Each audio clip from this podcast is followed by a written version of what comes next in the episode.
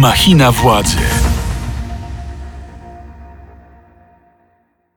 Błażej Makarewicz, Machina Władzy, dzień dobry. W ostatnich odcinkach naszego podcastu dużo miejsca poświęcaliśmy Zjednoczonej Prawicy i wewnętrznym konfliktom na szczytach władzy, a dziś chciałbym, żebyśmy porozmawiali głównie o opozycji, bo niewykluczone, że za kilka miesięcy to właśnie te ugrupowania przejmą odpowiedzialność za polskie państwo i stąd y, pytania, czy są na to gotowe i czy są gwarantem stabilnych, przewidywalnych rządów. W studiu Radia Z jest profesor Magdalena Środa, filozofka, etyczka, feministka, Uniwersytet Warszawski. Dzień dobry. time. Dzień dobry. Kiedy patrzy pani na partię opozycji demokratycznej, to na to, jak przygotowują się do wyborów, jak rozmawiają z Polakami, ale także jak rozmawiają same ze sobą, ma pani taką myśl, tak, to jest w końcu to, na co tyle lat czekaliśmy. O taką opozycję walczyłam. Nie, no oczywiście, znaczy trudno powiedzieć, że walczyła opozycja. Byłam w opozycji walcząc o demokrację i na tej demokracji bardzo mi zależy i stąd moje wielkie nadzieje związane z opozycją, która po prostu jest demokratyczna. Natomiast oczywiście ma pewne wewnętrzne problemy, ale mówiąc optymistycznie, te wewnętrzne problemy z osiągnięciem pewnej konsolidacji, no związane są też z tym, co się w demokracji ceni. Mianowicie z różnorodnością poglądów, czy z różnorodnością stanowisk. Jeśli chodzi o prawicę, to jest partia autorytarna, podległa wodzowi. Wodz, wódz mówi jedno, wszyscy mówią to samo, więc tam jest jakby dużo prościej, ale my nie chcemy autorytarnego kraju, chcemy kraj demokratyczny. To też różne konflikty i niezgodności na opozycji jakoś mnie nie dziwią, powiedziałabym. To, co mnie trochę dziwi i trochę martwi, to, że te konflikty nie, wy, nie wynikają z różnic programowych. E, bo to jest coś cennego, prawda? Ja mam takie poglądy, powiedziałabym, socliberalne, czyli cenię sobie liberalizm, zwłaszcza liberalizm polityczny i normatywny, niekoniecznie ekonomiczny, no ale jestem za ideą równości i przeciwko dyskryminacji.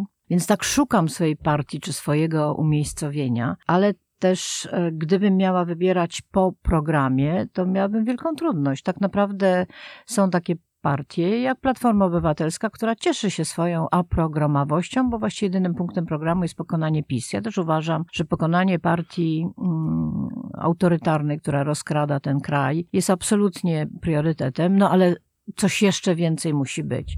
Chyba największe rozczarowanie budzi lewica. No bo lewica. No, znaczy ja czasami jestem kojarzona z lewicą. Szczerze powiedziawszy, jak mówię, definiuję się jako socliberałka raczej, ale dzisiaj lewicę należy rozumieć po prostu jako partię progresywną. Partię, która stoi za polityką tożsamości, przeciwko dyskryminacji równych grup, za równością.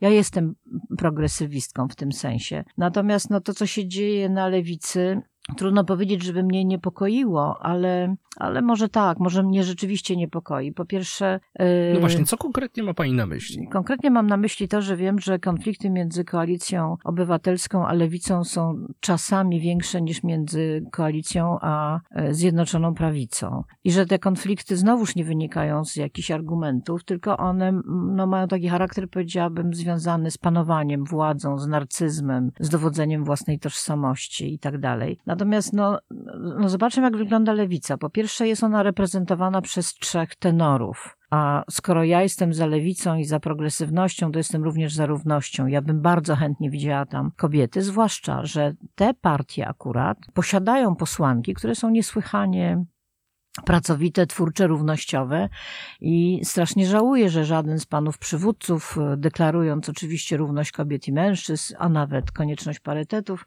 no, nie postąpił w taki sposób, na który wskazywałby zdrowy rozsądek, mianowicie nie ustąpiłby swojego miejsca, nie wiem, Magdalenie Biejat, e, Agnieszce Dzimanowicz-Bąk, czy jakoś tak. No zdaje się, że teraz w partii razem Adrian Zandberg i Magdalena Biejat y, współprzewodniczą temu ugrupowaniu. Świetnie, tylko że częściej e, utożsamiana jest ta partia właśnie z Zandbergiem, no, który ma taki język dla mnie bardzo odstający od rzeczywistości, niestety swoją wymową, y, nie programem, tylko wymową jakoś przypominający czasy, czasy PRL-u trochę, ale nie mam kontaktu z tą partią i właściwie nie znam, bo oni od razu zadeklarowali, y, że tutaj młodość do przodu, ja jestem zbyt stara, żeby, żeby jakkolwiek być tam, nie wiem, zaakceptowana. Śledzę tę partię oczywiście, a zwłaszcza właśnie młode kobiety, które tam pracują. No, Czarzasty niestety kojarzy mi się nieuchronnie z PRL-em, mam, mam dosyć dużą niechęć do tego systemu, w sensie politycznym. I też jakby nie widzę tam e, woli zrobienia z tej partii jakiejś, e, jakiegoś organizmu nowoczesnego.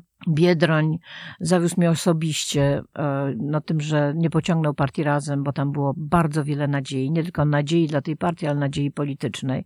No ale też obiecywał, że zrezygnuje z no mandatu tak, europosła. No to jest właśnie podstawa jednak, wszyscy wiemy i stałoby się cudownie, bo on może pociągnąłby tą partię, ona miałaby swoją osobowość bardziej wyrazistą niż teraz, a na jego miejsce wyszłaby do Europarlamentu Monika Płatek. Nie ma osoby lepszej na to stanowisko, szczerze powiedziawszy.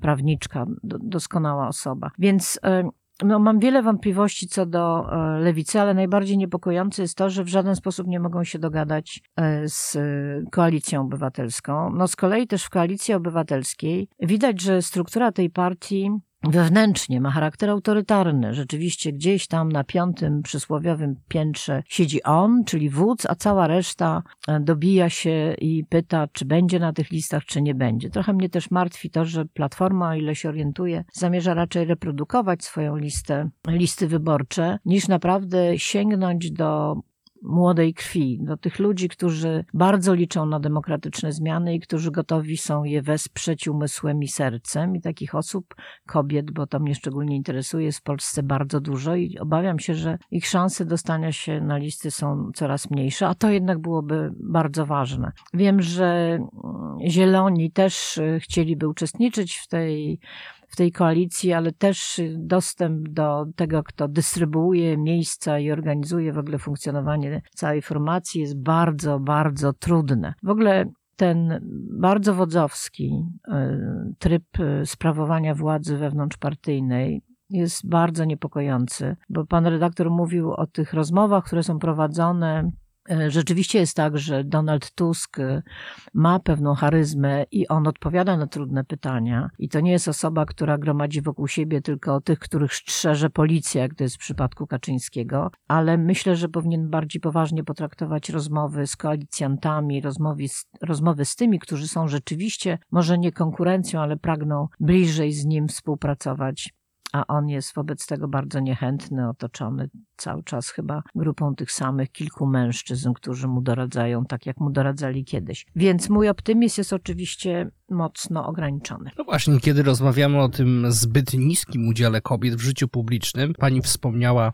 o lewicy, no ale właściwie to jest problem dotyczący wszystkich ugrupowań. Na opozycji wszystko rozgrywa się między Tuskiem, Hołownią, Czarnastym, Biedroniem, Kosiniakiem, Kamyszem, ale z e, tego pani niezadowolenia dotyczącego e, niskiego udziału kobiet w życiu publicznym, no, wysnuwam taką myśl, ochotę, że chętnie widziałaby pani na stanowisku szefa rządu właśnie jakąś polityczkę. Kto to mógłby być na przykład? Na nas, to nas trudno powiedzieć. No wiem, że były takie plany, żeby Izabela Leszczyna była, ale w opinii ona jest oczywiście nie dość progresywna. Ja byłam kiedyś za kandydaturą Kidawy Błońskiej na prezydenta i uważam, że to byłaby doskonała osoba na właściwym miejscu i zarzuty wobec niej, że jest nie dość prze, przebojowa, są kuriozalne, bo przecież Andrzej Duda jest bardzo przebojowy i na nartach, i na przykład w Davos, kiedy mówi po angielsku, ale nie o taką przebojowość nam chodzi, tylko raczej o wiedzę, zdrowy rozsądek czy kompetencje.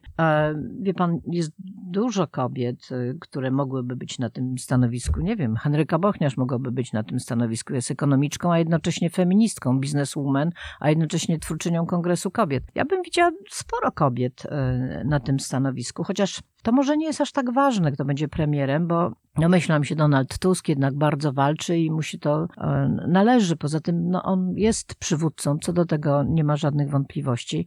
Ale widziałabym rząd taki jak w Niemczech, czyli stworzony z połowy kobiet i połowy mężczyzn i też chętnie bym widziała na tak zwanych, w tak zwanych resortach E, siłowych właśnie kobiety. Kongres Kobiet stworzył gabinet cieni, w tej chwili go bardzo mocno poszerzył i przygotowuje swój własny program w różnym zakresie. I muszę powiedzieć, że jak słyszę Ewę Sufin, która mówi o polityce klimatycznej, Bogumiłę Matuszewską, która mówi o energetyce, Agnieszkę Holland, która mówi o kulturze, czy Joannę Erbel, która mówi o polityce mieszkaniowej, no to patrzę się na ten rząd i myślę sobie, to znaczy rząd e, Gabinetu Cieni Kongresu Kobiet i myślę sobie, Boże, jaka Polska byłaby cudowna, gdyby te wszystkie kompetentne, rozsądne kobiety, które myślą bardzo dobrze politycznie, naprawdę przejęły część władzy. No ale ci panowie, kraju. o których wspominaliśmy, na to nie pozwolą.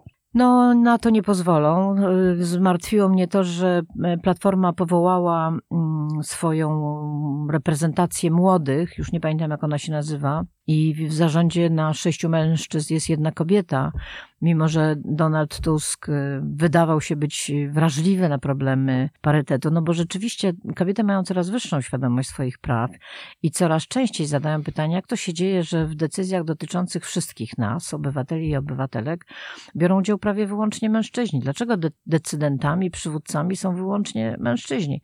Oczywiście można odpowiedzieć, drogie panie, postarajcie się, zróbcie coś, ale to jest dosyć trudne, dlatego że to jest trochę tak, jakby ci panowie siedzieli na karuzeli i oni się z tej karuzeli nie posuną w żaden sposób, a wskoczyć na nią jest niezwykle trudno z powodu rutyny, przyzwyczajeń, nawyków i tak dalej. Dlatego też te parytety są dosyć ważne. Także jeśli chodzi, jeszcze pewno 20 lat temu, to bym nie mogła tak powiedzieć, ale dzisiaj mówię, jeśli chodzi o pulę kobiet gotowych do przejęcia władzy w różnych resortach, to jest ona ogromna, po prostu ogromna. To zresztą widać, jak się jest w parlamencie, e, kto tak naprawdę pracuje, kto składa różnego rodzaju projekty ustaw, e, jak to wygląda w komisjach, a nie w tej e, głównej sali, gdzie są obecne media. Słuchasz podcastu Radia Z. Także... A w resorcie spraw zagranicznych widziałaby Pani jakąś kandydatkę? No bo teraz chyba Radosław Sikorski to już tak nie za Ja widziałabym na przykład Barbarę Labudę.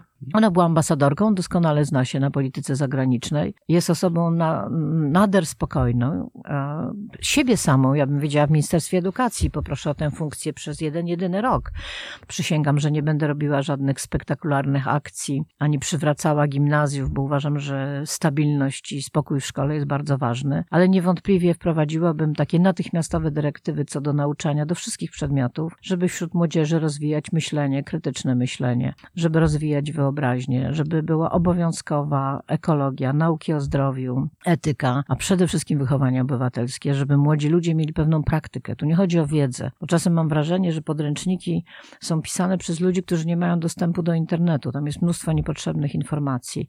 W edukacji obywatelskiej chodzi o praktykę. Jak pan zapyta się mnie, a skąd mam wziąć te godziny lekcyjne, no to powiem bardzo prosto. Jedno rozporządzenie, religia wraca do sfery sakrum, bo teraz przybywa w sferze profanum i to chyba źle się dla niej dzieje. No, nawet mogę powiedzieć, że tylko połowę tych godzin, niechaj będzie jedna religia i jedna lekcja wychowawcza, która polega, polega po prostu na praktyce, nawet na grach komputerowych, dzięki którym można na przykład śledzić konsekwencje swoich przekonań politycznych czy swoich głosowań. No, wizyty w samorządzie, żeby zobaczyć, czym się różni e, wójt od, e, od, e, od, od sołtysa, albo na czym polega funkcjonowanie sejmiku i tak dalej. Więc e, to są jakby drobne kosmetyczne zmiany, ale niesłychanie ważne i szłabym w kierunku takiego modelu fińskiego. E, szkoły takiej naprawdę równościowej i szkoły, która opiera się na praktyce i na oryginalności uczniów, a nie tak jak w Polsce i to coraz bardziej na po prostu pruskim drylu, a i na takiej szkole, no, z którą większość krajów europejskich i postępowych pożegnała się w XIX wieku. A z jakim arsenałem programowym e, opozycja powinna pójść na te najbliższe wybory, aby tak zdecydowanie przekonać wyborców? Jakie to powinny być kwestie? A może program w ogóle już nie jest ważny? Donald Tusk kilka lat temu mówił o postpolityce. A wie, wie pan, to łatwo się używa tych słów postpolityka. One tak naprawdę w filozofii na przykład mają całkiem pozytywny wydźwięk, no bo mm, jesteśmy w takiej epoce, w której nie wystarczy, że polityk pójdzie do telewizji i przedstawi swój program. Kiedyś tak było, rzeczywiście tak było. Były wielogodzinne, no może przesadzam, ale godzinne debaty na temat programów, na temat, nie wiem, systemu podatków albo systemu edukacji, albo, albo służby zdrowia. No, w tej chwili to nie jest tylko wina polityków, ale to jest też wina mediów. Na dobrą sprawę mamy te, nie wiem, tu 10 sekund, tu 3 minuty i proszę zobaczyć, y, Radosław Sikorski chlapnął ostatnio jakieś głupstwo na temat rozbiorów i podejrzewam, że wszystkie media na to czekały.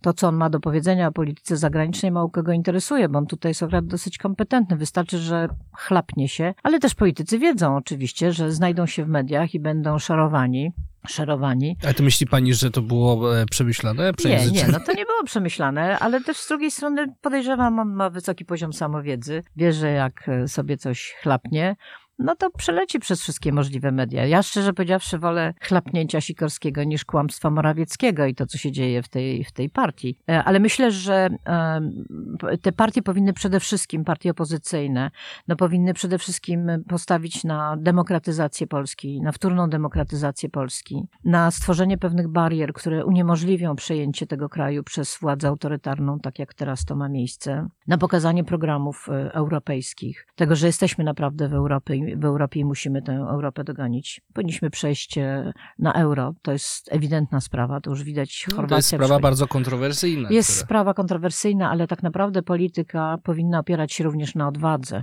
Proszę zobaczyć, co robi Kaczyński. On ma absolutną odwagę. On ma absolutną odwagę, żeby po prostu przymykać oczy, czy nawet pochwalać korupcję. Właściwie to, co robi obecna partia, zwłaszcza w zakresie właśnie ekonomii, czy nepotyzmu, czy takich elementów, nie ma żadnego wstydu, ale to też jest związane z odwagą. Po prostu mówić wszystkim w oczy, że to jest demokracja, kiedy to nie jest demokracja. Ale taką odwagę w dobrej sprawie, to każdy wielki polityk powinien posiadać. E, No i oczywiście projekt, k- program klimatyczny to jest e, absolutnie fundamentalna sprawa. Myśmy przez wojnę w Ukrainie i przez pandemię zapomnieli o tym zagrożeniu. Ono cały czas jest i to, że zapominamy, to ono, jak, jak sądzę, znacząco się powiększa. Więc jest kilka tematów, w obrębie których e, partie powinny nie dość, że mieć jasność i punkty programowe, to powinny czynić je po prostu hasłami programowymi. Ale muszę powiedzieć, Rzeczywiście niektórzy ludzie mówią, wiesz co, już daj spokój z tym programem, bo będzie coraz więcej konfliktów w opozycji. Tak naprawdę musimy po prostu postawić na demokrację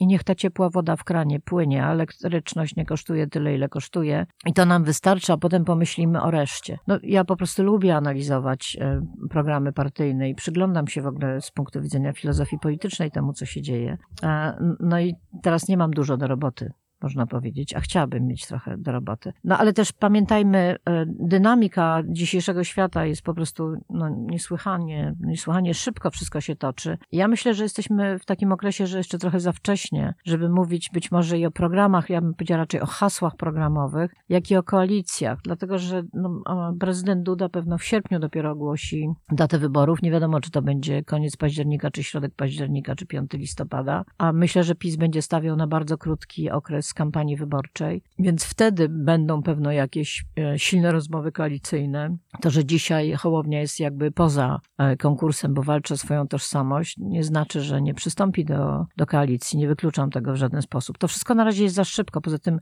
no, jest dużo wyborców takich jak ja. Znaczy ja mam przynajmniej jedną jasność.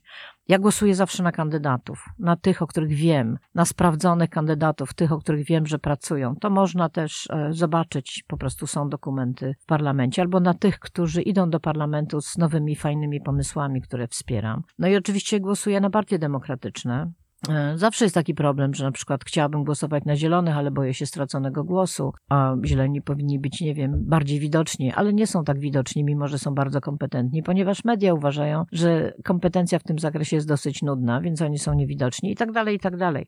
Ja się jeszcze wstrzymuję z różnego rodzaju osądami. Zobaczę, ile Koalicja Obywatelska będzie w stanie zaabsorbować kandydatek Kongresu Kobiet. 17 w tej chwili mamy w parlamencie i to są te chyba najbardziej pracowite dziewczyny, posłanki, a pewno takich kobiet i chętnych jest dużo więcej, również oczywiście mężczyzn. Więc ja trochę liczę na odnowę listy wyborczych, na świeżą krew i świeże umysły przede wszystkim. E, A jak to będzie, zobaczymy w najbliższym, w najbliższym czasie. Z czego, z czego wynika to zobo- zobojętnienie opinii publicznej na wszelkie patologie władzy, rozmaite afery? No bo nie ma właściwie dnia, abyśmy nie słyszeli o jakichś pieniądzach, które ze spółek Skarbu Państwa trafiają na konta PiS. Ostatnio słyszeliśmy sprawę 5 milionów złotych dotacji Ministerstwa Edukacji dla Fundacji Polska, wielki projekt y, związany z, z PiSem. No i nic właściwie się z tym nie dzieje. No, to jest sygnał dla władzy, że wszystko wolno. No wie pan, co, co ma się dziać? Co mamy znowu wychodzić na ulicę? E, To, to, to jest oczywiście pewien problem. No, ludzie, którzy potrafią oceniać i mają, że tak powiem, zdrową władzę sądzenia, widzą, co się dzieje i nigdy w życiu nie, nie będą wspierali tej partii, może też będą domagali się, nie wiem, ukarania winnych. Jesteśmy w takiej sytuacji, w której, do której doprowadziło PiS, tak jak kiedyś doprowadziły partie komunistyczne w PRL-u, że zwykła uczciwość wydaje się heroizmem, bo wszyscy kradną. Ale z drugiej strony, jak spojrzymy na to z politycznego punktu widzenia, to to, co robi w tej chwili PiS, e, dzięki nepotyzmowi, kradzieżom i korupcji, to jest zapewnienie sobie miękkiego lądowania w razie przegranych wyborów. Więc można powiedzieć, z punktu widzenia praktycznego, świetna taktyka. Po prostu PiS, jeśli przegra, to nie znajdzie się w sytuacji jakiejś totalnej opozycji, w jakiej Platforma się znalazła, tylko będzie po prostu sięgał do tych swoich milionów, które przelał na kompletnie fikcyjne, dziwaczne, e, dziwaczne fundacje. Właśnie dzisiaj przeczytałam w gazecie, że na 15 lat więzienia została skazana prawniczka Karolina B., e, która dźgnęła może, nożem śmiertelnie swojego partnera, która była prezeską partii Kooliber, która zbiera całkiem niezłe pieniądze. Prawicowej partii Kooliber, e, chyba związanej z Konfederacją, która zbiera pieniądze właśnie z, z PiSu. No, muszę powiedzieć, że ten poziom demoralizacji jest po prostu niewiarygodny. Jest po prostu niewiarygodny jak, jak to sobie, znaczy ja myślę, że w PiS to sobie uzasadniają po prostu śmiechem. No, znowu zrobiliśmy wszystkich w konia. Zobaczcie, mamy władzę, to teraz, jak to się brzydko mówiło, teraz my. Natomiast jaki to będzie miało taki długofalowy wpływ na społeczeństwo, opinię publiczną, no wydaje mi się, że dosyć druzgoczący bo pamiętajmy, że jeszcze za czasów Platformy, kiedy bodaj Sławomir Nowak został przyłapany na jakimś tam zegarku, e, którego tam nie wpisał do, do majątku, no to był wielki skandal i on podał się do dymisji. Ja już nie mówię o tym, że w czasie II Rzeczpospolitej to ludzie sobie strzelali w głowę, kiedy pewne ich niemoralne, nieuczciwe zachowania wychodziły na wierzch. E, no pamiętamy aferę Rywina sprzed 20 lat, która tak. wywróciła scenę polityczną do góry nogami. Właściwie w jakimś sensie ukształtowała w taki sposób, jakim ona jest dzisiaj. No tak, dokładnie tak. Więc jakby na różnego rodzaju e, zła społeczne i polityczne była reakcja. To była kiedyś reakcja honorowa, potem związana z jakimś sumieniem, potem z moralnością i poczuciem wstydu. W tej chwili te wszystkie, powiedziałabym, e, te wszystkie mechanizmy, które regulują poziom moralny w społeczeństwie, one musiały zaniknąć, chociaż one zaniknęły w partii PiS, no bo tam no to jest prosto skonstruowana partia, prawda? Jest wola prezesa i nie ma nic poza wolą prezesa po prostu. Wszyscy się albo zgadzają, albo się nie zgadzają. Wczoraj nawet ktoś ktoś z polityków PiS interpretował tak łagodnie wypowiedź Sikorskiego, mówił, no, że on się tak zachowuje jak dziecko, które nie ma ojca, jak jest ojciec, to no właśnie, to jest taka paternalistyczna partia PiS. Oni się do tego przyznają i tym cieszą. Mają tego swojego pater familias i po prostu bezwzględnie, bezwzględnie go słuchają. I dla nich jedynym kryterium moralnym jest po prostu lojalność. Absolutnie lojalność. To znaczy źle oceniany jest ten, kto jest nielojalny albo samodzielnie myśli. Zresztą też dzisiaj w prawicowej prasie była taka reakcja na Budkę, który skrytykował Sikorskiego i dla członków PiS y, krytyka w obrębie tej samej partii jest po prostu jakimś wielkim rozłamem. Tymczasem oni po prostu myślą myślą. Jeden mówi i nie myśli akurat, a drugi myśli i go krytykuje. No tak się dzieje w normalnym świecie, do którego PiS zdaje się nie ma dostępu, żeby był jakiś rozdźwięk, jakaś wewnętrzna krytyka, jakaś samodzielność intelektualna w ocenach i tak dalej. Więc y, dla tej partii złe jest to, co jest niezgodne z posłuszeństwem wobec wodza. No a jaki to będzie miało wpływ szerszy na społeczeństwo? Wie pan, trudno im powiedzieć. Trzeba by zrobić jakieś, jakieś badania, bo w PiSie też jest taki problem, bo ja myślę, że ludzie, którzy jednak y, no, nawet nie czytają e, demokratycznej prasy i nie słuchają Radia Z ani to FM-u, no to idąc do kiosku widzą, e, widzą e, tytuły w gazetach, wiedzą na przykład o pedofilii w kościele, no muszą wiedzieć o korupcji, nawet jeśli nie rozumieją słowa nepotyzm, to wiedzą, że bardzo wiele członków rodziny i członkiń rodziny jest No tak, ale wie pani, jak wyborca PiSu reaguje na tego typu Wiem, doniesienia? Dokładnie. To są, to są z, z reguły dwie reakcje. Pierwsza jest taka, że albo te media kłamią, albo no, może i kradną, ale Platforma nasi. kradła bardziej. Słuchasz podcastu Radia Z. Tak, albo, albo nasi, że to są nasi po prostu, prawda? I że każdy, kto atakuje na, naszych, to, to jest po prostu złym człowiekiem. To jest trochę tak jak w rodzinie. Dziecko jak postąpi niewłaściwie, ukradnie, to przecież nie idziemy na policję, nie mówimy jesteś złodziejem, tylko chronimy i raczej oskarżamy tych, którzy jego oskarżają. I to jest taki właśnie mechanizm, to się nazywało kiedyś w socjologii immoralizm familijny.